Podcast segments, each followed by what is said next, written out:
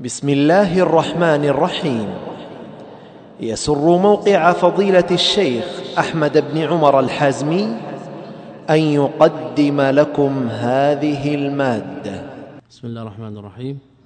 الحمد لله رب العالمين والصلاة والسلام على نبينا محمد وعلى آله وصحبه أجمعين. أما بعد قد شرعنا الدرس الماضي في أول الرسالة فيما يتعلق بافتتاحيه المصنف رحمه الله تعالى ثم قوله اعلم أن أعظم شهادة وأفرضها على الخلق قولا وعملا واعتقادا ما شهد الله به لنفسه. عرفنا ما يتعلق بهذه الجملة. تضمت اصولا. اولا أن الشهادة شهادة لا إله إلا الله أعظم شهادة أي أكبر شهادة وأفرضها على الخلق بمعنى أنه أول الواجبات. أول الواجبات وما يتعلق به هذه الكلمة.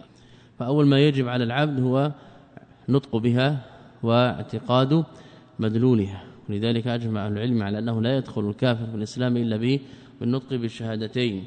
وأفرضها على الخلق قولا وعملا واعتقادا. هذا بيان لمحل الشهادة. يعني لا إله إلا الله هذه عقيدة بالقلب وهي قول باللسان وعمل بالجوارح والأركان. وعرفنا أن هذا يدل على أن أصل التوحيد وأصل الإيمان وأصل الإسلام وأصل الدين كلها ها ألفاظ مترادفة يعني بمعنى واحد. فإذا قال أهل السنة والجماعة أصل الإيمان أو الإيمان اعتقاد بالقلب وقول باللسان وعمل بالجوارح والأركان. حينئذ يرد خلاف المرجئه فيما يتعلق بأعمال جوارح هل هي داخلة في مسمى الإيمان أو لا؟ والحق الذي أجمع عليه السلف أنها داخلة في مسمى الإيمان مراد به فواتها من حيث الركنية الجنس يعني جنس العمل. هذا النوع بذاته يرد كذلك معنا فيما يتعلق بالتوحيد. فنقول التوحيد يكون بالاعتقاد يكون بالقول ويكون بماذا؟ بالعمل. من أخرج العمل عن مسمى التوحيد وجعل التوحيد اعتقاديا فقط حينئذ فهو مرجئ. فهو مرجئ قد يكون جهميا وقد لا لا يكون. قال قولا وعملا واعتقادا. ما شهد الله به أعظم شهادة؟ ما شهد الله به لنفسه من اختصاصه بالإلهية. قد عرفنا أن الباري جل وعلا هو الخالق وما عداه وما سواه من سواه فهو المخلوق. والخالق له خصائص تليق به جل وعلا سواء كانت هذه الخصائص تضاف إلى ربوبيته أو تضاف إلى ألوهيته أو تضاف إلى أسمائه وصفاته. والمخلوق كذلك له له خصائص. فلا يضاف خصائص المخلوق إلى الباري جل وعلا. هذا يعتبر من النقص والباري جل وعلا منزه عن عن ذلك. والعكس كذلك لا تضاف خصائص الباري جل وعلا إلى إلى المخلوق. فمن خصائص الباري جل وعلا كونه معبودا مألوها. حينئذ إذا عبد غير الله فقد جعله ماذا؟ مساويا للباري جل وعلا. بمعنى أنه أضاف وأسند ما هو من خصائص الباري جل وعلا إلى مخلوق. كائنا ما كان هذا المخلوق. حينئذ سوى بينه وبين الله تعالى في كونه معبودا. لأن هذا الوصف كونه إلها هذا من خصائص الإلهية. فإذا جعله لغير الله تعالى فقد سوى بينهم.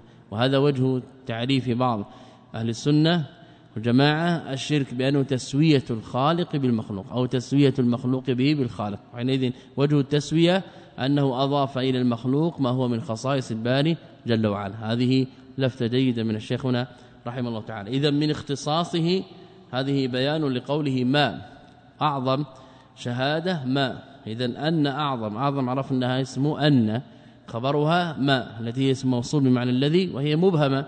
وتحتاج إلى ماذا؟ تحتاج إلى مفسر. فقوله من هذه بيانية من اختصاصه بالإلهية. كأنه قال اعلم أن أعظم شهادة ما شهد الله تعالى به من خصائصه الخاصة به ولا يجوز حينئذ أن تضاف إلى مخلوق. هذا الذي عناه رحمه الله تعالى. ولذلك قال أزلا وأبدا. أراد أن يبين أن هذه الخصائص مما اتصف بها الباري جل وعلا في القدم وفي الأبد. لم يزل ولا يزال متصفا بصفة الخلق. لم يزل ولا يزال متصفا بصفة الرزق. لم يزل ولا يزال متصفا بكونه مألوها معبودا. سواء وجد العابدون أو لم يوجد العابدون. وجدوا أم لم يوجدوا وسدل على ذلك المصنف رحمه الله تعالى على أعظم شهادة بآية أجمع أهل العلم على أنها من أجل ما جاء في بيان التوحيد وبيان مكانته عند الباري جل وعلا. وهي قوله تعالى شهد الله أنه لا إله إلا هو والملائكة وأولو العلم قائما بالقسط. لا إله إلا هو العزيز الحكيم. وهذه جعلت الآية من أعظم ما جاء فيما يتعلق بالتوحيد ويستدل بها كذلك العلم فيما يتعلق بفضيلة العلم. كذلك إذا قالوا الأدلة تدل على فضل العلم والعلماء. فإذا زكي العلماء إنما زكوا لأي شيء؟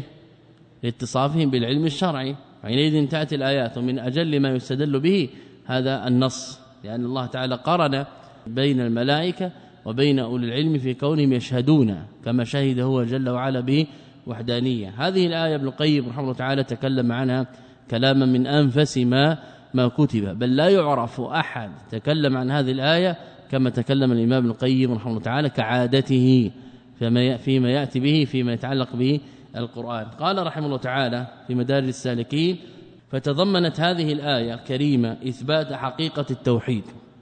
إثبات حقيقة التوحيد. لأن التوحيد هو اعتقاد أن الله تعالى متفرد بكونه معبودا مألوها يقتضي ذلك ألا تصرف العبادة لغير الله تعالى. صحيح أم لا؟ لأن هذا معنى التوحيد أن يفرد الله تعالى به بالعباد فيعتقد بالقلب ويقول باللسان ويعمل بالجوارح والأركان على مقتضى ما يعتقده. اتفقت أو لا؟ اتفقت لابد من اتفاقها. قال فتضمنت هذه الآية الكريمة إثبات حقيقة التوحيد والرد على جميع هذه الطوائف. والشهادة ببطلان أقوالهم ومذاهبهم. كل دليل يدل على التوحيد ببيانه فهو رد على كل مبتدع. صحيح أم لا؟ كيف نرد على البدع؟ كيف نرد على أهل البدع؟ نرد على أهل البدع بالحق. كيف يكون الحق؟ ببيان ما جاءت به النصوص.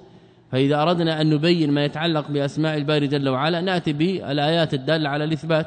وإذا أثبتنا ذلك عقيدة حينئذ ذهبت سائر المذاهب فإن كان لهم دليل خاص كشبهة حينئذ لابد من الرد عليها. لكن الأصل إنما يكون في رد البدعة ببث السنة. هذا الأصل. ولذلك كان السلف لما وجد المحرفون من الجهمية ونحوهم كانوا قد بثوا نشر السنن في المساجد. وكان أول ما بدأ كلام في الصفات كفوا عن الرد الخاص. وقالوا الرد إنما يكون ببث السنة. البدعة لا تمحى إلا ببث السنة. وأصلا ما تظهر البدعة إلا لفوات السنة. لو كانت السنة قائمة ما جاءت البدعة. لو كان التوحيد قائما على وجهه ما جاء الشرك. كذلك لو كان الحق قائما على وجهه شرعي لما جاء الباطل فإذا حصل تقدم لي أي باطل بأي نوع من أنواعه فاعلم أن ثم خلل فيما يتعلق بنشر الحق. ولذلك إذا وجدت المنكرات دل ذلك على ماذا؟ على أن الدعوة إلى ما يخالف المنكرات هذا قليل ضعيف في الناس. لا تنتشر المنكرات إلا إذا سحب الناس عن عن الدعوة وتركوا الدعوة إلى الله عز وجل. وانشغلوا بأمور هي أبعد ما يكون. قال رحمه الله تعالى والشهادة ببطلان أقوالهم ومذاهبهم وهذا إنما يتبين بعد فهم الآية ببيان ما تضمنته من المعارف الإلهية والحقائق الإيمانية فتضمنت هذه الآية أجل شهادة. كما عبر المصنفون رحمه تعالى أعظم شهادة. أجل وأعظم وأكبر متقاربة. أجل شهادة. وأعظمها وأعدلها وأصدقها من أجل شاهد. أو الله عز وجل بأجل مشهود به. وعبارات السلف في شهد تدور على معاني. ولذلك ينبغي أن تعتني في فهم التوحيد من أجل التقرير لا سيما وأنت طالب علم لست بمعنى أنك ستدعو إلى التوحيد بتقريره. ثم يأتيك أهل الباطل بالمعارضة ويأتيك أهل الباطل بالشبه. إذا لم تعرف حقيقة التوحيد وكيف يستدل على إثبات التوحيد على جهة الأصل وعلى جهة الكمال حينئذ تقع في خلل. وإذا عرفت أصول الاستدلال في إثبات التوحيد عرفت الرد على كل مخالف. إذا عرفت كيف تستدل على تثبيت التوحيد أصلا وفرعا فيما يتعلق بأصله وكماله حينئذ أي شبهة ترد؟ حينئذ من أسهل ما يكون ردها. ولذلك إذا عرفت أصلا التوحيد الذي جاءت به الرسل ما حقيقته؟ ما حقيقة الإسلام؟ ما حقيقة الإيمان؟ ما حقيقة الشرك؟ ما حقيقة الكفر؟ الحقائق هذه. إذا ضبطتها على على الوجه الصحيح السلفي الذي جاء به الكتاب والسنة حينئذ تزيل كل بدعة والشبهه وما وقع من وقع في خلل إلا لكونه قد حصل عنده قصور في فهم التوحيد. ما هو التوحيد؟ وحصل عنده قصور في فهم الشرك. بالله ما حقيقته؟ وإلا لو تصور أن الحقائق لابد أن تكون متميزة. يعني حقيقة التوحيد هذه لابد أن يكون ثم فيصل بينها وبين نقيضها أو لا؟ كما يكون بين السماء والأرض.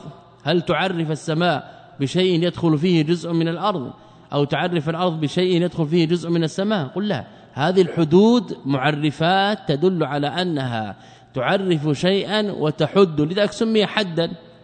فإذا عرفت هذه الحدود بحقائقها الشرعية بأخذها من الكتاب والسنة حينئذ لا يتصور أن يختلط التوحيد والشرك ولا إيمان وكفر إلا ما جاء الدليل بإثباته وهو الشرك الأصغر والكفر الأصغر. ما عداه الأكبر هذا لا يمكن أن أن يدخل تحت حقيقة. فليس من المعقول عقلا وشرعا أن يدخل جزء من الشرك الأكبر تحت مفهوم التوحيد. ولا أن يدخل جزء من التوحيد تحت مفهوم الشرك الأكبر. هذا محال عقلا. من أبعد ما ما يكون. إذا جوز ذلك دل على ماذا؟ على أن عنده خللا في تصور التوحيد في بيان حقيقته وفي تصور الشرك في بيان حقيقته. فمعرفة الحقائق هذا من أول ما يجب أن يكون راسخا عند طالب العلم لا سيما في هذا الزمان الذي فيه غربة للتوحيد وهي واضحة بينه وبدات رايات أهل الشرك والبدع ترفرف للطعن في التوحيد وفي أهل التوحيد. انتبهوا لي لهذه المسائل فإن مهمة. ولذلك ابن القيم رحمة الله إذا فهمت لا سيما ما يتعلق مع الشهادة. ما المراد بالشهادة؟ اذا هل يشهد لو جئت بمناقشة ومعارضة هل يتصور شاهد يتكلم بشيء يشهد به وهو لا يعلمه؟ هذا لا لا يتصور لا عقلا ولا ولا لغه ولا ولا عرفا ولا شرعا. حينئذ كيف تسمي هذا الذي أتى بالشهادة؟ أنه قد أتى بها على وجهها ثم هو لا يعلم معناها. تعارض أو لا؟ فهذا لا يسمى في اللغة لا يسمى شاهدا. كذلك إذا لم يعلم وتكلم بشيء لا يعلمه. قال له القاضي هل هل هذا سارق؟ نعم رايته يسرق. هو ما يعلم. يكون كاذبا أو شاهدا. ها ماذا يسمى؟ يسمى كذابا دجال لا يسمى شاهدا. فإذا عبد غير الله تعالى وقال أشهد أن لا إله إلا الله قلنا هنا اللغة قبل قبل قبل النظر في أدلة الشرع اللغة تكفرك لأنك أتيت بدعوة أنك تشهد ولست بشاهد. الشاهد لابد أن يعلم ما يشهد به. وهذا لا خلاف فيه بين أهل اللغة البتة.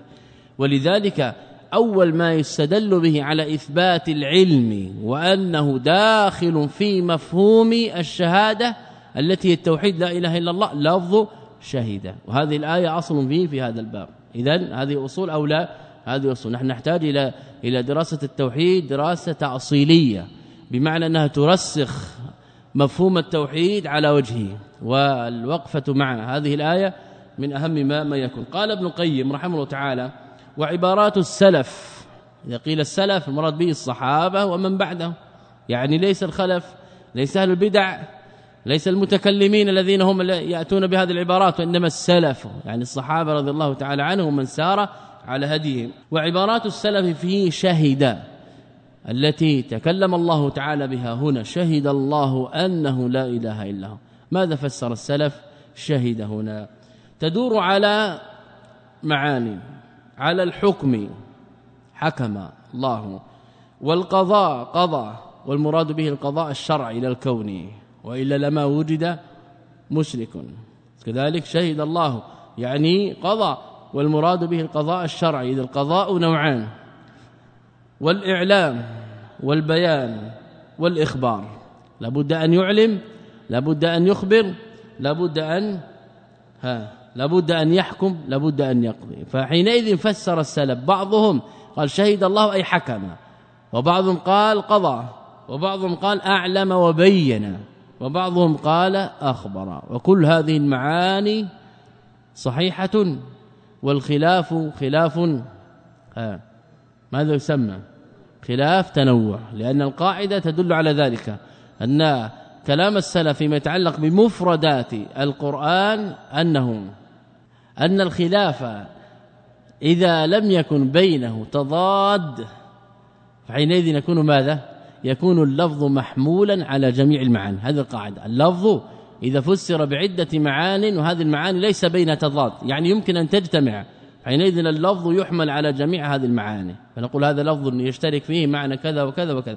أما إذا كان بين تضاد فلا بد من من الترجيح. هذه قاعدة قاعدة الصحابة رضي الله تعالى عنهم ومن سار على على ناجية.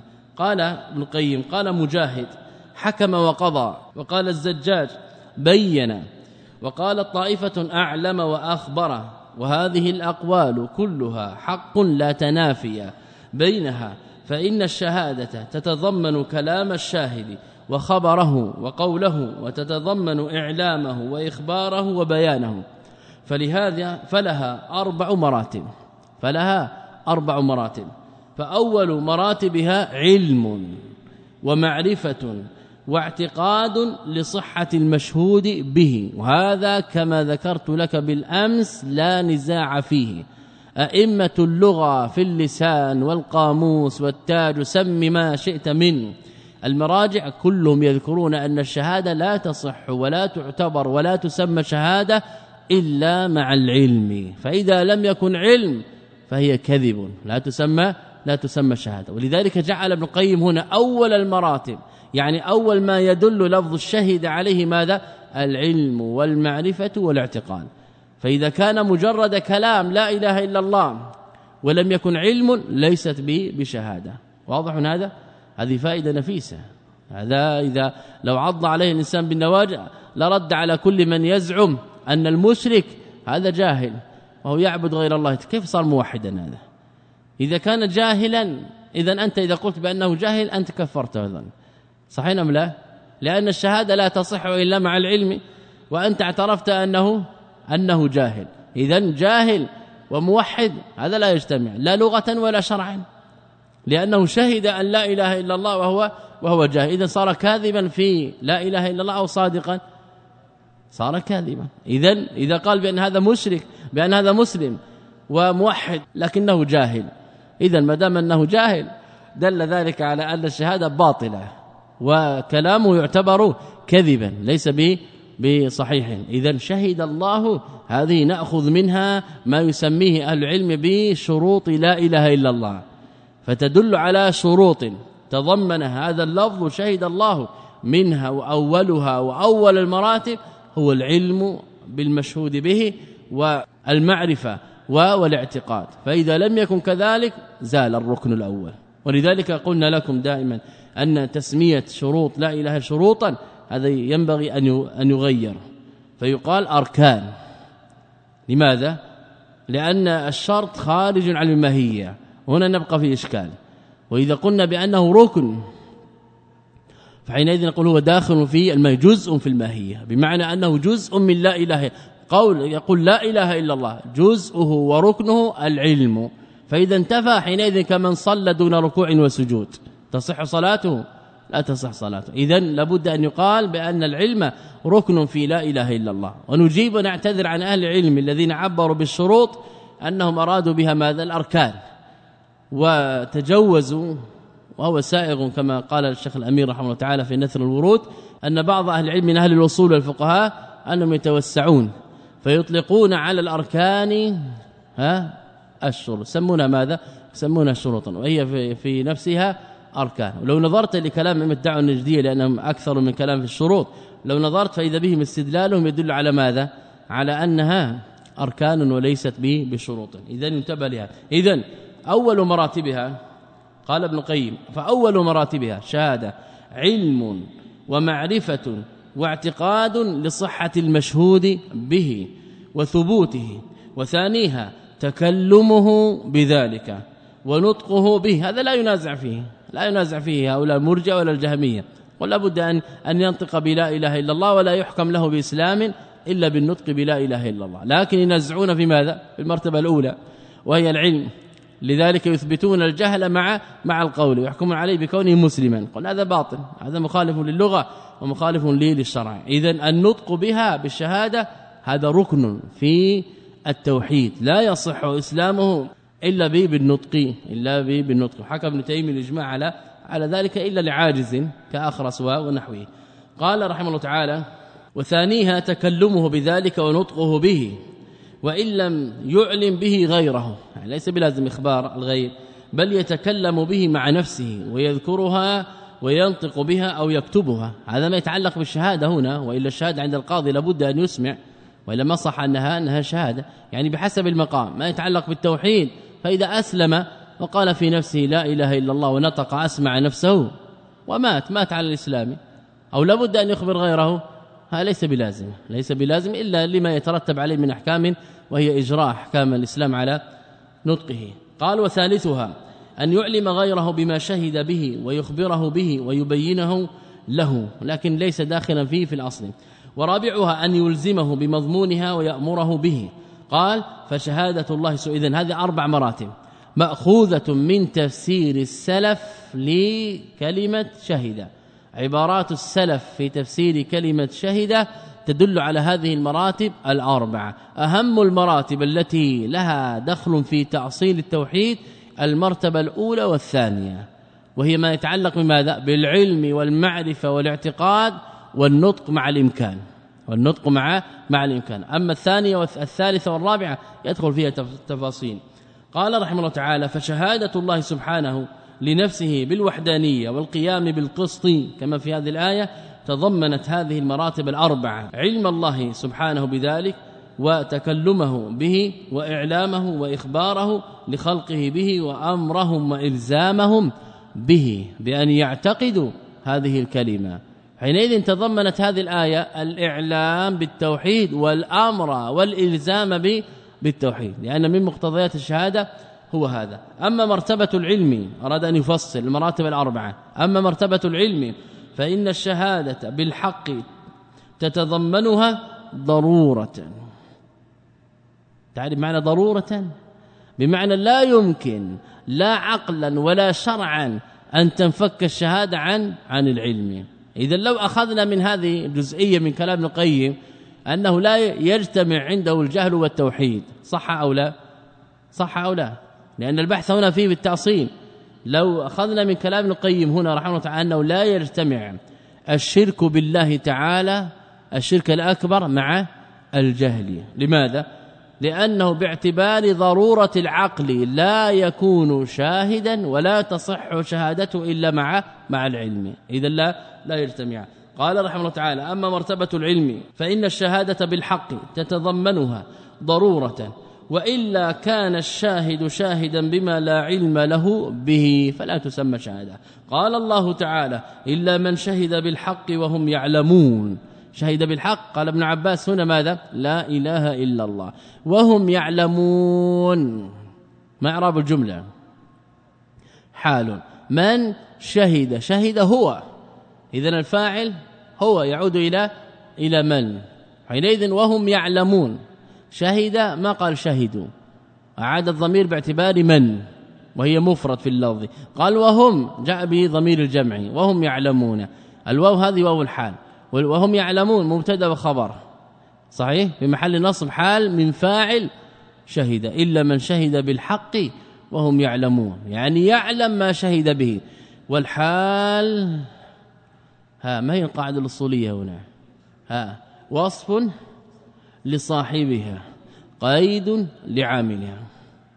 وصف لصاحبها قيد لعاملها. وصف لصاحبها قيد لعاملها. ما الفائدة من هذه القاعدة هنا؟ كيف نستفيد؟ سؤال. جيم هيا. ها. وصف لصاحبها قيد لعاملها. ما هو مفهوم المخالفة؟ إذا انتفى العلم. هنا السؤال. شهد وهو يعلم. إذا هذا المنطوق. أثبت كون الشهادة كانت بالحق. أو لا؟ هذا بالمنطوق. طيب تخلف. وهم يعلمون. تخلف. هل يتخلف الحكم؟ نعم يتخلف الحكم. حينئذ لا تكون هذه الشهادة شهادة بالحق. فإذا انتفى العلم لا يكون شاهدا به بالحق. واضح هذا؟ إلا من شهد بالحق وهم يعلمون. ومن يقتل مؤمنا متعمدا. لو ذهبت متعمدا ها. اختلف الحكم؟ اختلف الحكم. لأن القتل أنواع. القتل أنواع. قد يكون بعمد وقد لا يكون. المنطوق هنا بماذا علق الحكم؟ بالعمد. إذا تخلف العمد وصار خطأ اختلف الحكم؟ اختلف الحكم. إلا من شهد بالحق وهم يعلمون. الحكم مقيد بالعلم. إذا تخلف العلم اختلف الحكم؟ اختلف. لا يكون شاهدا به بالحق. واضح هذا؟ امسك بهذه الفائدة. هذه تفيدك في مسألة العذر به بالجهل إنهم لا يجتمعان. بالضرورة الضرورة عقلية والضرورة اللغوية كذلك أنه لا يجتمع أن يكون شاهدا ثم لا يكون عالما بما بما شهد بل هو كاذب بل هو كاذب. وسوي بينه وبين من يشهد عند القاضي وهو لا يعلم. قال هذا سارق؟ نعم سلم آه، كيف عرفت؟ قال رأيته. يس ما رأى شيء ولا ولا يدري عن شيء. حينئذ يكون ماذا؟ يكون كاذبا لا يكون إلا إذا كان عالما. قال رحمه الله تعالى أما مرتبة العلم فإن الشهادة بالحق تتضمنها ضرورة وإلا كان الشاهد شاهدا بما لا علم له به. قال الله تعالى إلا من شهد بالحق وهم يعلمون. وقال النبي صلى الله عليه وسلم على مثلها فاشهد وأشار إلى إلى الشمس. يعني لابد أن يكون ماذا؟ علمه بما يشهد. به كعلمه بما يرى من الشمس. والمعنى الصحيح كان حديث ضعيفا. كان معنى صحيح. كما ترى الشمس على مثل فاشهد وأما مرتبة التكلم والخبر فمن تكلم بشيء وأخبر به فقد شهد به. تكلم بشيء ولا بد يكون معه علم أصلا. يعني الداخلة ليست هذه المرتبة الثانية منفكة عن عن الأولى. بل يتكلم ويعلم حينئذ صار أو تحققت عنده المرتبة الثانية. أما المرتبة أما مرتبة التكلم والخبر فمن تكلم بشيء وأخبر به فقد شهد به وإن لم يتلفظ بالشهادة يعني بلفظ الشهادة هذا المقصود. وليس المرض أنه لا يقول لا إله إلا الله بس لابد أن يقول لا إله إلا الله. لكن لنا حالان. قال لا إله إلا الله. قال آخر أشهد أن لا إله إلا الله. ها كلاهما صح إسلامه؟ هذا كافر أصلي. قال لا إله إلا الله. ولا يشترط أن يشير ترى. الآخر قال أشهد أن لا إله إلا الله. ها صح إسلامه؟ صح. ما الفرق بينهما؟ لفظ أشهد. هل لفظ أشهد شرط في صحة الشهادة؟ فيه خلاف عند المتأخرين. والصواب لا. لا يشترط. ولذلك حكى ابن القيم الإجماع على أن الكافر لو قال لا إله إلا الله صح إسلامه. وإذا كان كذلك دل على أن لفظ الشهادة أشهد ليس بلازم ليس بلازم لأنه جاء في أحاديث حتى يشهدوا حتى يقولوا لا إله إلا الله فدل ذلك على أنها ليست ليست بشرط هذا الذي عناه فقد شهد به وإن لم يتلفظ بالشهادة. قال تعالى قل هلم شهداءكم الذين يشهدون أن الله حرم هذا فإن شهدوا فلا تشهد معهم. حرم هذا يعني قال حرام. شهد أو لا؟ شهد. قال هذا مباح. شهادة أو لا؟ شهادة. قال هذا حرام. شهد أو لا؟ شهد. سماه الله تعالى شهادة. بمجرد الحكم والخبر. فإذا أخبر عن الشيء كونه واجبا أخبر عن الشيء كونه واجبا أو محرما أو مباحا أو نحو ذلك فقد شهد. وإن لم يتلفظ بلفظ الشهادة. وقال تعالى وجعلوا الملائكة الذين هم عباد الرحمن اناثا. أشهدوا خلقهم ستكتب شهادتهم ويسألون. ما قالوا نشهد أن الملائكة بنات الله أو أنها إلى آخره وإنما قالوا رموا الوصف بما ذكر. فجعل ذلك منهم شهادة وإن لم يتلفظوا بلفظ الشهادة ولم يؤدوها عند غيرهم. قال النبي صلى الله عليه وسلم عدلت شهادة الزور الإشراك بالله وشهادة الزور هي قول الزور. كما قال تعالى واجتنبوا قول الزور حنفاء لله غير مشركين به. وعند نزول هذه الآية قال رسول الله صلى الله عليه وسلم عدلت شهادة الزور الإشراك بالله فسمى قول الزور شهادة وسمى الله تعالى إقرار العبد على نفسه شهادة قال تعالى يا أيها الذين آمنوا كونوا قوامين بالقسط شهداء لله ولو على أنفسكم. يعني إذا أخبر عن نفسه فقد شهد وإن لم يقل أشهد. فشهادة المرء على نفسه هي إقراره على على نفسه. إذا قر على نفسه بفعل فقد شهد. وفي الحديث الصحيح في قصة ماعز الأسلمي فلما شهد على نفسه أربع مرات رجمه رسول الله صلى الله عليه وسلم. والمراد هنا بكونه شهد على نفسه بماذا؟ أقر على نفسه يعني اعترف بأنه وقع في الزنا مرة ومرتين وثلاثة وأربعا فرجمه النبي صلى الله عليه وسلم. وليس المراد أنه في كل مرة يقول أشهد أني فعلت لا. وإنما يقول ماذا؟ فعلت كذا وكذا. سمي ماذا؟ سمي شهادة. إذا إقراره على نفسه بالشيء قولا أو فعلا أو اعتقادا فهو شهادة وإن لم يأتي بلفظ الشهادة. وقال تعالى قالوا شهدنا على أنفسنا وغرتهم الحياة الدنيا وشهدوا على أنفسهم أنهم كانوا كافرين. هذا لا وجود له. يأتي كافر يقول أشهد أني كافر. هو يعتقد أنه على حق. كذلك اليهود والنصارى يعتقدون ماذا؟ أنهم على حق وأنهم أهل الجنة والمسلمون أهل النار. أو لا هل يوجد كافر يشهد على نفسه أنه كافر؟ الجواب لكن الشهادة هنا بالفعل شهدوا على أنفسهم بماذا؟ بالفعل. كونه تلبس بالكفر وأخبر عن عقيدته ولو لم يعتقد أنها كفر حينئذ نقول هذا قد بين وقد شهد على على نفسه. كل من أخبر وكل من بين فقد شهد على على نفسه. قال رحمه الله تعالى وهذا وأضعافه يدل على أن الشاهد عند الحاكم وغيره لا يشترط في قبول شهادته أن يتلفظ بلفظ الشهادة كما هو مذهب مالك وأهل المدينة وظاهر كلام أحمد ولا يعرف عن أحد من الصحابة والتابعين اشتراط ذلك. حكاه ابن تيمية رحمه الله تعالى اجماعا أنه لا يشترط الشهادة لا عند الحاكم القاضي يعني ولا فيما يتعلق بشهادة التوحيد. يعني أشهد أن لا إله إلا الله أشهد ليس بلازم ليس بشرط. ولو قاله حينئذ يكون موافقا لنص. لا يكون ماذا؟ لا يكون قول من أجل أنه ركن في صحة الشهادة. قالوا قد قال ابن عباس رضي الله تعالى عنهما شهد عندي رجال مرضيون وأرضاهم عندي عمر أن رسول الله صلى الله عليه وسلم نهى عن الصلاة بعد الصبح حتى تطلع الشمس وبعد العصر حتى تغرب الشمس. ومعلوم أنهم لم يتلفظوا بلفظ الشهادة. يعني لم يقل كذلك هؤلاء العشرة ومنهم عمر يقول أشهد أن النبي صلى الله عليه وسلم قال ذلك. وإلا لزم أن يقول كلما روى خبرا أن يقول أشهد أن النبي صلى الله عليه وسلم قال كذا وهذا لم ينقل. حينئذ لا يشترط فيه لفظ الشهادة.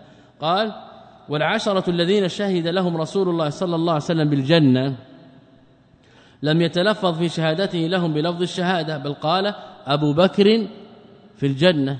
ما قال أشهد أن أبا بكر في الجنة؟ قال أبو بكر في الجنة. وأجمع أهل العلم على التعبير عن هؤلاء العشرة بأنه ماذا؟ شهد لهم النبي صلى الله عليه وسلم به بالجنة.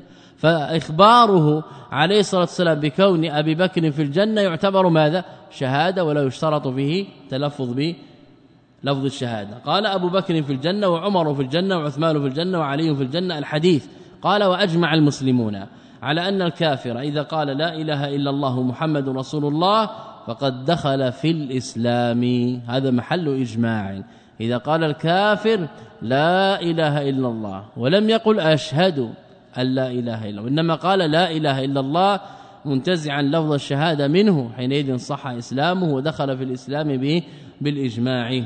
قال فقد دخل في الإسلام وشهد شهادة الحق ولم يتوقف إسلامه على لفظ الشهادة وأنه قد دخل في قوله حتى يشهد أن لا إله إلا الله وفي لفظ آخر حتى يقولوا لا إله إلا الله. فدل على أن مجرد قولهم لا إله إلا الله شهادة منهم. وهذا أكثر من أن تذكر شواهده من الكتاب والسنة فليس مع من اشترط لفظ الشهادة دليل يعتمد عليه والله أعلم. وإنما استدلوا بماذا؟ بحديث حتى يشهدوا. وحتى يشهدوا جاء ماذا؟ حتى يقولوا. ثم سيرة النبي صلى الله عليه وسلم العملية وكذلك الصحابة تدل على أنهم لا يشترطون الشهادة. فحينئذ يفسر الحديث بما أثر عن النبي صلى الله عليه وسلم.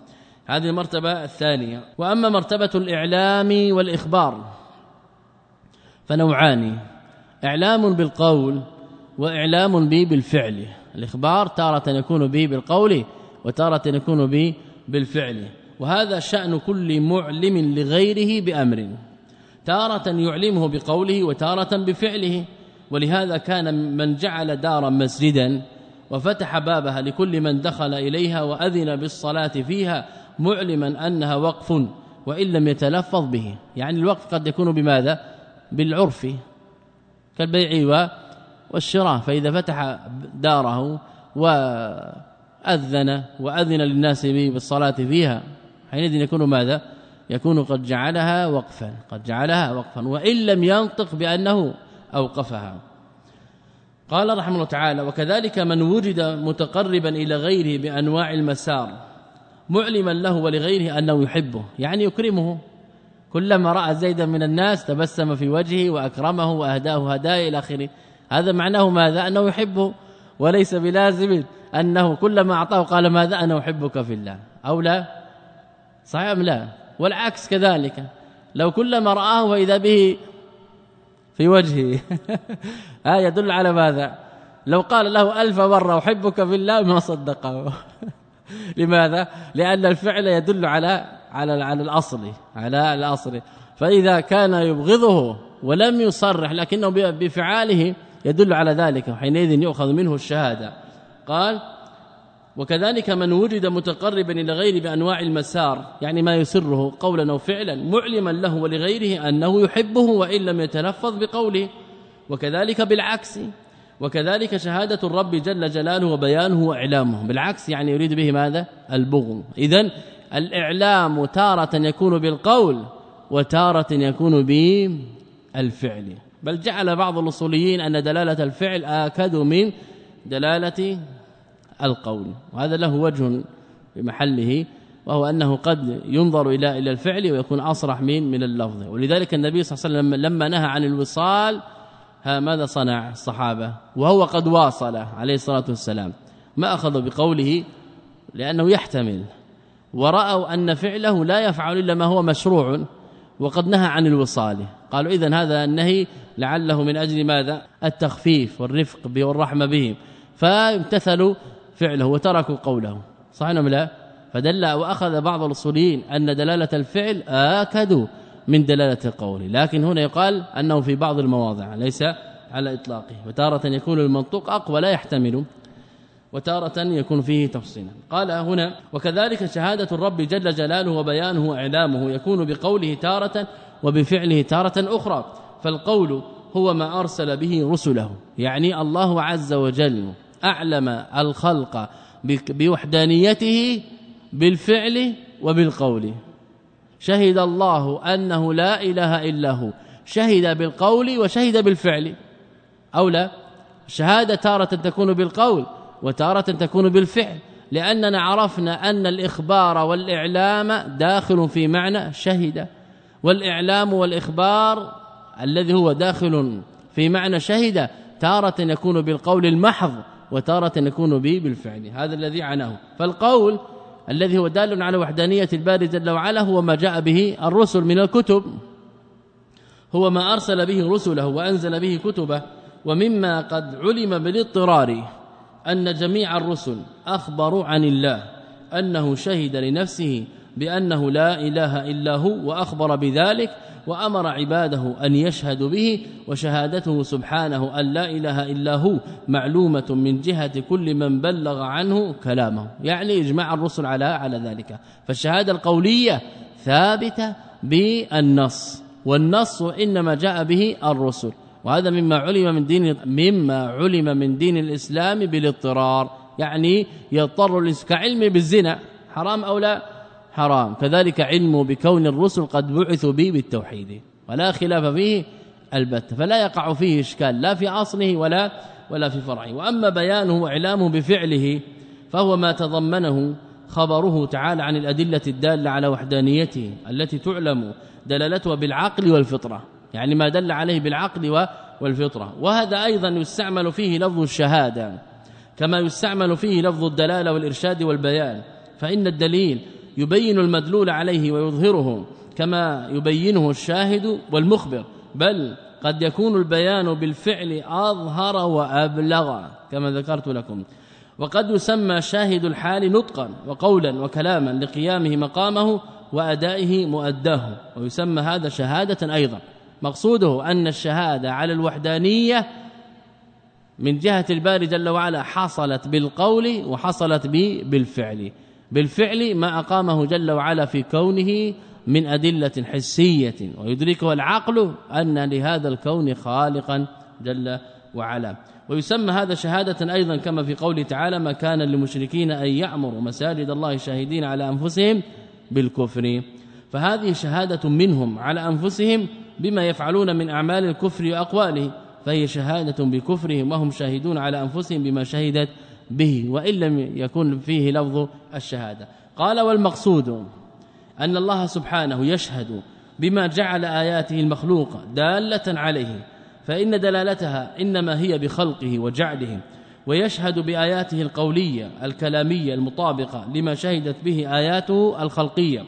فتطابق شهادة القول وشهادة الفعل يعني حصل تطابق بين الشهادتين. كما قال تعالى سنريهم آياتنا في الآفاق وفي أنفسهم حتى يتبين لهم أنه الحق.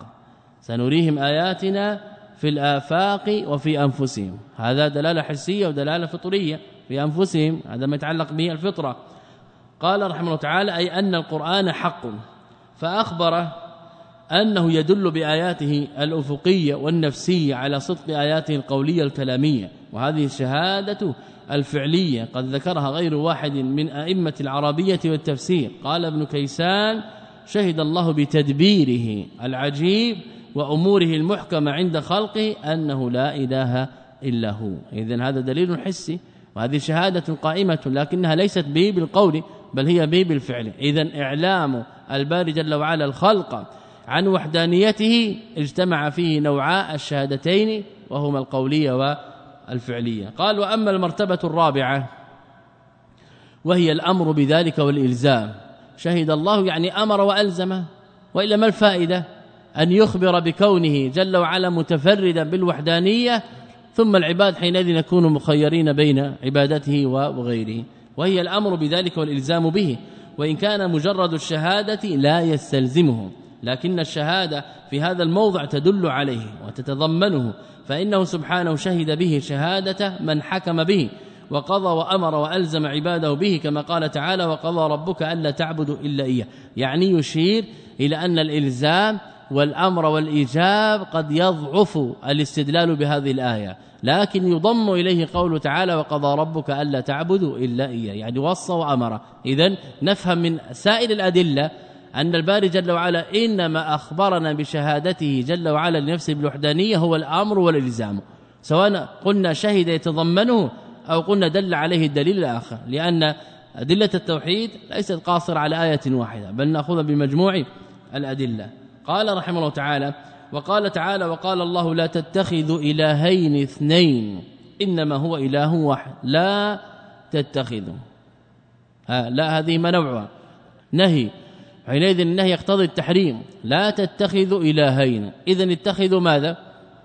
إلها واحدا وهو عين التوحيد الذي أمر به وشهد به لنفسه. وقال تعالى لا تجعل مع الله الها آخر. لا تجعل مع الله الها. اذا أفرد الله تعالى بماذا؟ بالألوهية والعبادة. وقال سبحانه ولا تدع مع الله الها آخر. اذا ادعوا الله تعالى وحده. والقرآن كله شاهد بذلك. القران كله شاهد بذلك. في تقرير التوحيد وإقامة الأدلة العقلية والحسية وكذلك الشرعية على صحته وبيانه وإيضاحه وكذلك إقامة الأدلة على بطلان نقيضه سواء أدلة العقلية أو غيره. قال ووجه استلزام شهادته سبحانه لذلك أنه إذا شهد أنه لا إله إلا هو فقد أخبر وبين وأعلم وحكم وقضى أن ما سواه ليس بإله. يعني وجه الاستلزام ما هو؟ أنه إذا حكم بأنه هو الواحد الأحد دل ذلك بدلالة التزام على ماذا؟ على أن ما سواه ليس بإله. كالآيات التي مرت لا تجعل مع الله الها آخر. يعني اجعل الله عز وجل هو الإله الواحد الأحد. هذا الأصل. قال وأن إلهية ما سواه أبطل الباطل. وحكم وقضى أن ما سواه ليس بإله. وأن إلهية ما سواه أبطل الباطل وإثباتها أظلم الظلم فلا يستحق العبادة سواه كما لا تصلح الإلهية لغيره وذلك يستلزم الأمر باتخاذه وحده الها والنهي عن اتخاذ غيره معها الها. وهذا يفهمه المخاطب من هذا النفي والإثبات لا إله إلا الله. كما إذا رأيت رجلا يستفتي أو يستشهد أو يستطب يعني يطلب الطب من ليس أهلا لذلك. ها ماذا تقول له؟ تبين أو لا تبين؟ تبين. ويدع من هو أهل له. فتقول حينئذ هذا ليس بمفت. هذا ليس بمفت ولا شاهد ولا طبيب المفتي فلان. صح أم لا؟ إذا بين الله عز وجل أنه هو الحق الذي يدعى جل وعلا ودل العقل على أن الإله المستحق واحد وهو الله سبحانه وتعالى. فإذا بين أن فإذا شهد لنفسه بالوحدانية فقد شهد لغيره بكون ألوهيته باطلة. أو لا؟ فإذا قلت المفتي ليس مفتي إلا زيدا من الناس. دل على دل ذلك على ماذا؟ على أن عمرو ليس بمفتي وعلى أن بكرا ليس بمفتي وهكذا. ليس ليس بمفتي. قال رحمه الله تعالى. والشاهد فلان والطبيب فلان فإن هذا أمر منك ونهي وأيضا فإن الأدلة قد دلت على أنه سبحانه وحده المستحق العبادة. فإذا أخبر أنه هو وحده المستحق العبادة تضمن هذا الإخبار أمر العباد وإلزامهم بأداء ما يستحقه الرب تعالى عليهم. وأن القيام بذلك هو خالص حقه عليهم. فإذا شهد سبحانه أنه لا إله إلا هو تضمنت شهادته الأمر والإلزام بتوحيده. وأيضا فلفظ الحكم والقضاء يستعمل في الجمل الخبرية فيقال للجملة الخبرية قضية وحكم وقد حكم فيها بكيت وكيت. قال تعالى ألا إنهم من إفكهم ليقولون ولد الله وإنهم لكاذبون. كذبهم في هذه القضية.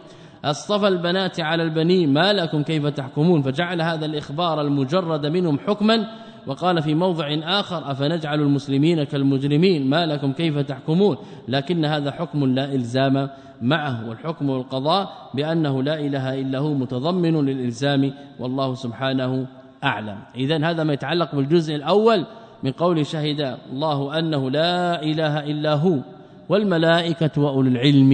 ودل ذلك على أن شهد لفظ دل على أصول تفيدك في فهم أصل التوحيد لا سيما المرتبة الأولى والثانية ما يتعلق بالعلم والمعرفة والاعتقاد لا يسمى شاهدا إلا بالإتيان بها والثانية ما يتعلق به بالنطق. هذه فائدة نفيسة في هذه الآية.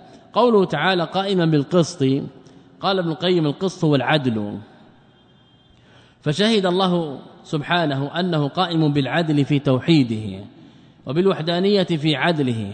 والتوحيد والعدل هما جماع صفات الكمال فإن التوحيد يتضمن تفرده سبحانه بالكمال والجلال والمجد والتعظيم الذي لا ينبغي لأحد سواهم.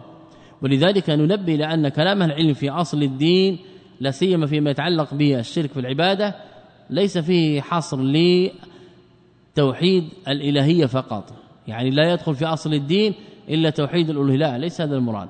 وإنما المراد أنه بأنواع الثلاث. لكن لما كان المقام مقام بيان لما يخرج عن الملة فيما يتعلق بنازلة وهي ما يتعلق بالشرك الأكبر في العبادة حينئذ تكلم أهل العلم فيما يتعلق بأصل الدين توحيد الإلهية. وإلا الأصل أن الحكم عام. فإذا أقر بتوحيد ولذلك أنواع التوحيد قلنا ثلاثة متلازمة. بمعنى أنه إذا انتفى توحيد الربوبية مطلقا انتفى توحيد العبادة وتوحيد الأسماء والصفات. كذلك توحيد الربوبية يستلزم توحيد الألوهية وتوحيد الألوهية يتضمن توحيد الربوبية. اذا كل منهما لازم لي للآخر وإنما كلام العلم في بيان أصل الدين فيما يتعلق به بالعبادة. ولذلك لما قال شيخ الإسلام فيما يأتي الأصل الثاني فيما يتعلق أصل الدين دين الإسلام وقاعدته الإنذار عن الشرك في عبادته قيدوا في العبادة. قال بعض الشراح ماذا؟ في العبادة هنا ليس احترازا ليس احترازا لأن الشرك يكون في العبادة ويكون في الربوبية ويكون في الأسماء والصفات. لكن المقام مقام تفصيل باعتبار ماذا؟ باعتبار النازله باعتبار النازله وقد يكون كذلك في في زمن السلف كما لو نزلت آية قالوا هذه آية نزلت في كذا. أرادوا بها ماذا؟ بيان النازلة والواقعة. وليس المراد أنه لا يستدل بها في غير هذه النازلة بل هو عام. قال رحمه الله تعالى والعدل يتضمن وقوع أفعاله كلها على السداد والصواب وموافقة الحكمة فهذا توحيد الرسل وعدلهم إثبات الصفات والأمر بعبادة الله وحده لا شريك له. ضم ماذا؟ صفات مع توحيد العبادة. وإثبات القدر والحكم والغايات المطلوبة المحمودة بفعله وأمره. قال وقيامه سبحانه بالقسط في شهادته يتضمن أمورا أحدها أنه قائم بالقسط في هذه الشهادة التي أعدل شهادة على الإطلاق وإنكارها وجحودها أعظم الظلم على الإطلاق وهو الشرك الأكبر كفر فلا أعدل من التوحيد ولا أظلم من الشرك فهو سبحانه قائم بالعدل في هذه الشهادة قولا وفعلا حيث شهد بها وأخبر وأعلم عباده وبين لهم تحقيقها وصحتها وألزمهم بمقتضاها وحكم به وجعل الثواب والعقاب عليها وجعل الأمر والنهي من حقوقها وواجباتها فالدين كله من حقوقها والثواب كله عليها والعقاب كله على تركها. اذا على على التوحيد. قوله لا إله إلا هو في خاتمة الآية ذكر محمد بن جعفر أنه قال الأولى وصف وتوحيد والثانية رسم وتعليم. يعني شهد الله أنه لا إله إلا هو. الأولى هذه التي عناها وصف وتوحيد. يعني هي الأساس. والثانية إنما أتى بها من باب التوكيد. أي قولوا لا إله إلا الله. ومعنى هذا أن الأولى تضمنت أن الله سبحانه شهد بها وأخبر بها والتالي للقرآن إنما يخبر عن شهادته هو وليس في ذلك شهادة من التالي نفسه فأعاد سبحانه ذكرها مجردة ليقولها التالي. يعني إذا قرأ القارئ قال شهد الله أنه لا إله إلا هو. هذا حكاية. هو كلام الله تعالى. اذا أنا حكيت ماذا؟ أو أخبرت. ناتي الاشاعره أخبرت عن حكاء عن. أخبرت عن شهادة الله تعالى لنفسه بالوحدانية. بقي ماذا؟ بقي أنا. هل اعتقدت ما شهد الله تعالى به؟ فكررها مرة ثانية من أجل أن يقول. فهي تأكيد لي هذا الذي عناهم فيكون شاهدا هو أيضا. وأيضا فالأولى خبر عن الشهادة بالتوحيد. والثانية خبر عن نفس التوحيد. وختم بقول العزيز الحكيم تضمنت الآية توحيده وعدله وعزته وحكمته فالتوحيد يتضمن ثبوت صفات كماله ونعوت جلاله وعدم المماثل له فيها وعبادته وحده لا شريك له. والعادل يتضمن وضعه الأشياء موضعها وتنزيلها منازلها وأنه لم يخص شيئا منها إلا بمخصص اقتضى ذلك وأنه لا يعاقب من لا يستحق العقوبة ولا يمنع من يستحق العطاء وإن كان هو الذي جعله مستحقا والعزة تتضمن كمال قدرته وقوته وقهره والحكمة تتضمن كمال علمه وخبرته وأنه أمر ونهى وخلق وقدر لما له في ذلك من الحكم والغايات الحميدة التي يستحق عليها كمال الحمد. فاسمه العزيز يتضمن الملك واسمه الحكيم يتضمن الحمد. وأول الآية يتضمن التوحيد وذلك حقيقة لا إله إلا الله وحده لا شريك له له الملك وله الحمد وهو على كل شيء قدير وذلك أفضل ما قاله رسول الله صلى الله عليه وسلم النبيون من قبله والحكيم الذي إذا أمر بأمر كان حسنا في نفسه وإذا نهى عن شيء كان قبيحا في نفسه وإذا أخبر بخبر كان صدقا وإذا فعل فعلا كان صوابا. وإذا أراد شيئا كان أولى بالإرادة من غيره وهذا الوصف على الكمال لا يكون إلا لله وحده. قال ابن القيم رحمه الله تعالى فتضمنت هذه الآية وهذه الشهادة الدلالة على وحدانيته المنافية للشرك وحدانيته المنافية للشرك وعدله المنافي للظلم وعزته المنافية للعجز وحكمته المنافية للجهل والعيب ففيها الشهادة له بالتوحيد والعدل والقدرة والعلم والحكمة ولهذا كانت أعظم شهادة ولا يقوم لهذه الشهادة على وجهها من جميع الطوائف إلا أهل السنة. يعني لا يعرف قدر هذه الشهادة على وجهها إلا من؟ أهل السنة. أما أهل البدع هؤلاء لا يعرفون الشهادة. قال ولا يقوم لهذه الشهادة على وجهها من جميع الطوائف إلا أهل السنة وسائر طوائف أهل البدع لا يقومون بها عندهم خلل وهذا الخلل قد يفضي بهم إلى الخروج من الملة وقد لا يفضي. بذلك هذا كلامه رحمه الله تعالى في تفسير الآية. اذا استدلال المصنف رحمه الله تعالى على أن أعظم شهادة ما شهد الله به لنفسه من اختصاصه بالإلهية. هل فارق قول ابن القيم أم وافقه؟ الكلام الذي سمعتموه كله وهذا موافق المصنفون شيخ عبد الرحمن بن حسن موافق له أم مخالف؟ لا شك أنه موافق. اذا دعوى أن هذه التي يتكلم فيها أئمة الدعوة النجدية لأن بعض الناس الآن يشكك طلبة العلم حتى صار عند بعض الطلبة نوع شك وهو أن هذه اجتهادات ما يذكره أئمة الدعوة اجتهادات آراء خاصة بهم لم يتبعوا من من قبل وإنما وقفوا مع الآيات ففهموا منها فهوما خالفوا بها من من سبق. وهذا باطل هذا كذب صريح. محض الكذب والافتراء. بل لم يخرجوا قيد أنملة عن الأئمة السابقين في تقرير التوحيد وما يتعلق به من أحكام في الدنيا والآخرة وما يتعلق بنقيضه الشرك في بيان حقيقته وأحكامه في الدنيا والآخرة. لم يخرجوا في حكم واحد. ومن شم رائحة العلم وشم رائحة التوحيد فليأتي بمثال يقول هذه المسألة خالفوا فيها جماهير السلف. هيهات هيهات ياتوا وإنما جاءوا بمساله ماذا؟ العذر بالجهل لم يعذروا أحدا. هذا إجماع السلف وإجماع من شم رائحة التوحيد. أما من لم يعرف التوحيد كما قال القيم هنا لا يعرف قيمة هذه الشهادة. وإذا عرفوا معنى شهيدا قل لهم ارجعوا إلى كلام ابن جرير. ارجعوا إلى كلام القيم شهيدا لابد أن يكون عالما. أول مرتبة تدخل في الشهادة لتصحيحها أن يكون عالما فإذا كان جاهلا ما حكمه؟ ها لا يكون شاهدا. اذا بطلت الشهادة. إلا من شهد بالحق وهم يعلمون. من قال لا إله إلا الله وهو يعلم. من مات وهو يعلم أن لا إله إلا الله. اذا هذا قيد أم لا؟ قيد. ما معنى قيد؟ ارجعوا إلى كتب الأصول. لتعرفوا ماذا ماذا يقول أهل الأصول فيما يتعلق به الصفه إذا وقعت حالا ما المراد بها من حيث المنطوق والمفهوم. لم يخرجوا. انتبه لا يلبسن عليك من هؤلاء الجهمية والمرجئة أنهم قد انفردوا عن سلف وأنهم قالوا أقوالا واجتهادات تتعلق بهم وبمنهجهم وأن هذه اقتضاها الواقع آنذاك. قل لا هذه قل ضغوط الواقع. هذا ما يتعلق به بتأصيل التوحيد على على وجه وأما ضغوط الواقع هذه لا يعرف عن العلم أنهم يفتون فتاوى لا سيما ما يتعلق به بالتأصيل العلمي أنه يأتي به بضغوط الواقع ونحو ذلك. قال رحمه الله تعالى اذا هذا استدلال في محله فكرر الشهادة به في هذه الآية. لأن ضغوط الواقع هذا تجعل الإنسان تارة كذا وتارة كذا. مرة يقول بأصل ويدندن حوله وقد يبدع من يخالفه. فإذا تغير الواقع وتغيرت الأمور. حينئذ انتقل فصار يقول به بنقيض ما ما يقوله أو لا.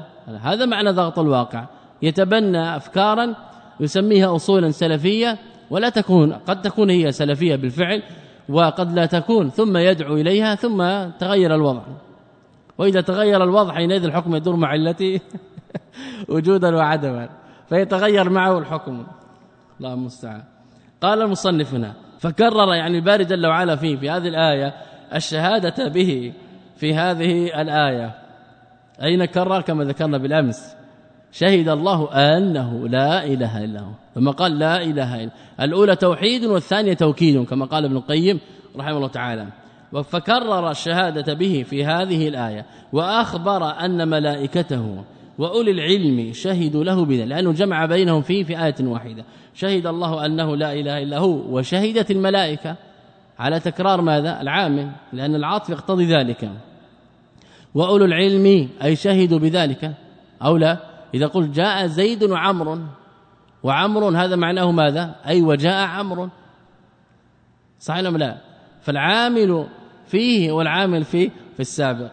قال رحمه الله تعالى شهدوا له بذلك جل وعلا وأخبر عباده بهذه الشهادة لأن شهد تتضمن الإخبار والإعلام. كما ذكره السلف وقد سمعت كلام القيم رحمه الله تعالى. ودعاهم إلى أن يشهدوا له بها ألزمهم وقضى بذلك أو لا؟ نعم قضى بذلك وألزمهم. اذا هذه العبارات كلها من المصنف رحمه الله تعالى موافق للإمام القيم رحمه الله تعالى. قال الله تعالى ثم استدل بثلاث آيات تتعلق بتقرير التوحيد والتأكيد للآية السابقة. قال تعالى الله لا إله إلا هو ليجمعنكم. إلى يوم القيامة لا ريب فيه ومن أصدق من الله حديثا. الله لا إله إلا هو. الله مبتدا وجملة لا إله إلا هو. هذا خبر. وهذه الآية تدل على ماذا؟ على تقرير التوحيد. لأن لا إله إلا الله لا إله إلا هو تفسر ب لا معبود بحق إلا الله. وإذا فسرت بذلك ففيها نفي العبادة واستحقاق العبادة عن غير الله تعالى. قال ابن جرير في تفسير الآية يعني جل ثناؤه بقوله الله لا إله إلا هو لا يجمعنكم المعبود الذي لا تنبغي العبودية إلا له هو. الذي له العبادة الذي له عبادة كل شيء وطاعة كل طائع تعميم أو لا؟ تعميم في نفي العبادة عن سوى الباري جل وعلا. تعميم في طاعة أحد كائنا من كان سوى الباري جل وعلا. صحيح أم لا؟ قال الله لا إله إلا هو المعبود الذي لا تنبغي العبودية إلا له هو الذي له عبادة كل شيء وطاعة كل طائع. يعني توحيد يتعلق بالطاعة والطاعه نوع من العبادة. وقوله ليجمع أنكم إلى يوم القيامة يقول ليبعثنكم من بعد مماتكم ولا يحشرنكم جميعا. إلى موقف الحساب الذي يجازي الناس فيه بأعمالهم ويقضي فيه بين أهل طاعته ومعصيته وأهل الإيمان به والكفر. لا ريب فيه يعني لا شك فيه. يقول لا شك في حقيقة ما أقول لكم من ذلك وأخبركم من خبري. أني جامعكم إلى يوم القيامة بعد مماتكم ومن أصدق من الله حديثا. يعني بذلك واعلموا حقيقة ما أخبركم من الخبر فإني جامعكم إلى يوم القيامة للجزاء والعرض والحساب والثواب والعقاب يقينا. فلا تشكوا في صحته ولا تمتروا في حقيته فإن قولي الصدق الذي لا كذب فيه ووعدي الصدق الذي لا خلف فيه. ومن أصدق من الله حديثا يقول وأي ناطق أصدق من الله حديثا أي لا أصدق. من باب ماذا؟ من باب الاستفهام المشرب للتحدي. ففي معنى النفي. وذلك أن الكاذب إنما يكذب ليجتلب بكذبه إلى نفسه نفعا أو يدفع به عنها ضرا.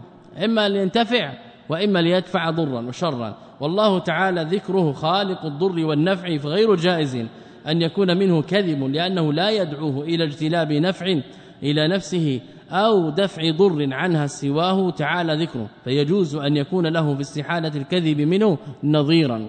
ومن أصدق من الله حديثا وخبرا. وقال ابن كثير رحمه الله تعالى وقوله الله لا إله إلا هو إخبار بتوحيده وتفرده بالإلهية لجميع المخلوقات وتضمن قسما. هذه العبارة من كثير رحمه الله تعالى بعينها ذكرها الشيخ عبد الرحمن رحمه الله إخبار بتوحيده وتفرده بالإلهية لجميع المخلوقات وتضمن قسما لقوله لا يجمعنكم. هذه اللام تسمى لام القسم لأنها موطئة لقسم مقدر.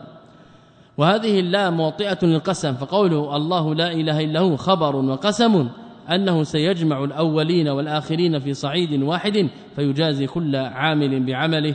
وقوله تعالى ومن أصدق من الله حديثا أي لا أحد أصدق منه في حديثه وخبره ووعده ووعيده فلا إله إلا هو ولا رب سواه. ثم استدل المصنف بآية ثانية تدل على تقرير ما قرره رحمه تعالى والآية في ذلك كثير كثيرة. قال وقال الله تعالى الله لا إله إلا هو له الأسماء الحسنى قال ابن جرير وأما قوله تعالى ذكره الله لا إله إلا هو فإنه يعني به المعبود الذي لا تصلح العبادة إلا له. هو بعين الكلام الذي ذكره المصنف رحمه تعالى.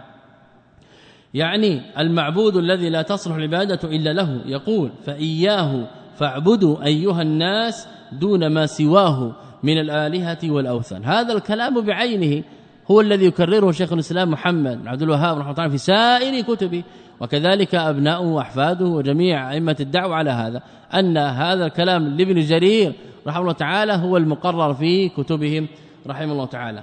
قال وله الأسماء الحسنى. يقول جل ثناؤه لمعبودكم أيها الناس الأسماء الحسنى. ثم استدل بالآية الثالثة وهي قول تعالى وهو الله لا إله إلا هو له الحمد في الأولى والآخرة. قال ابن كثير رحمه الله تعالى وقوله وهو الله لا إله إلا هو أي هو المنفرد بالإلهية فلا معبود سواه.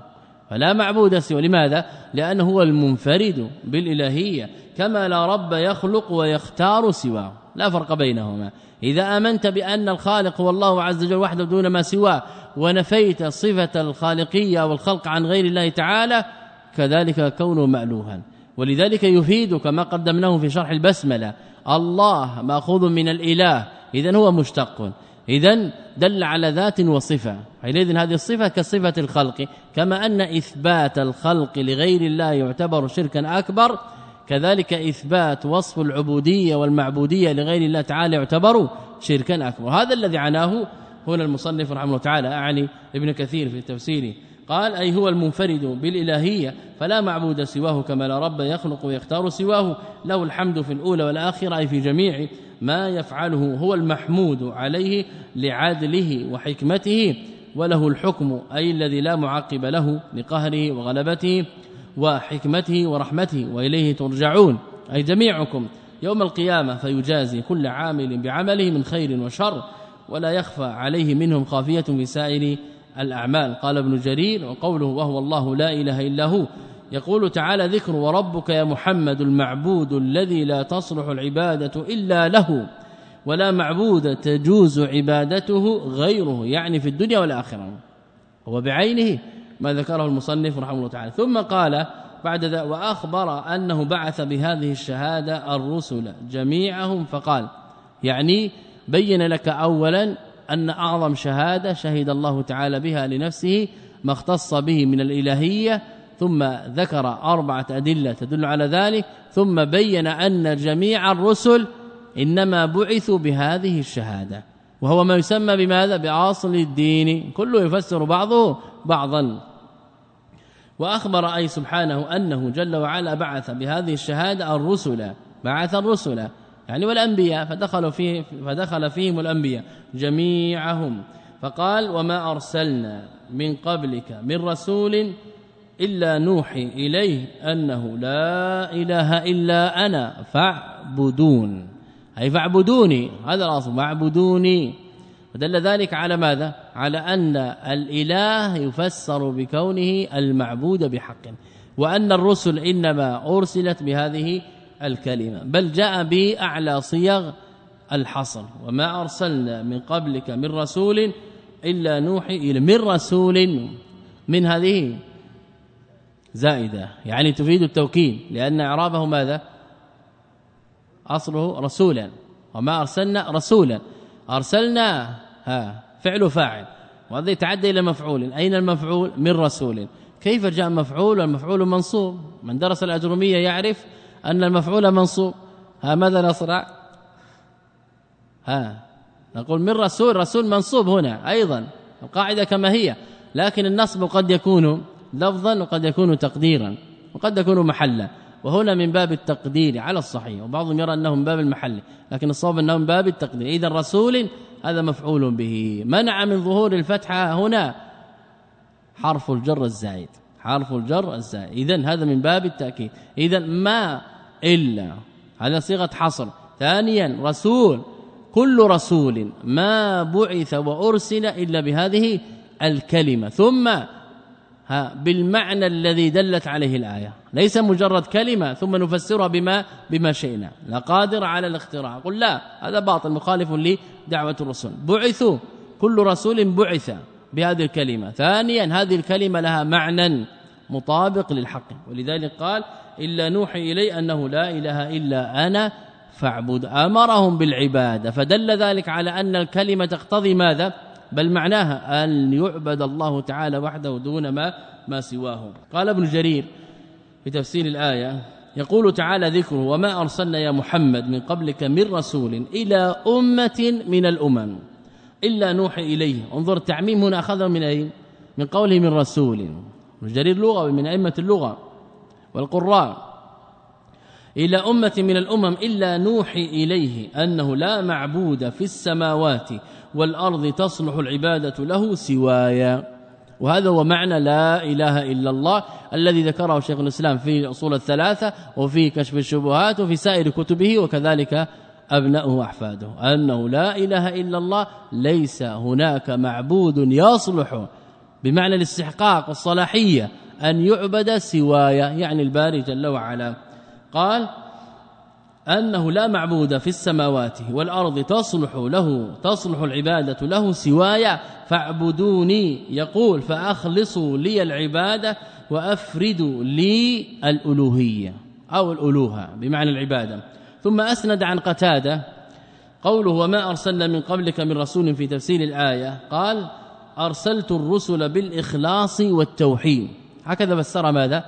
قتادة. يعني إلا أنا فاعبدون أي أرسلت الرسل بالإخلاص والتوحيد لا يقبل منهم.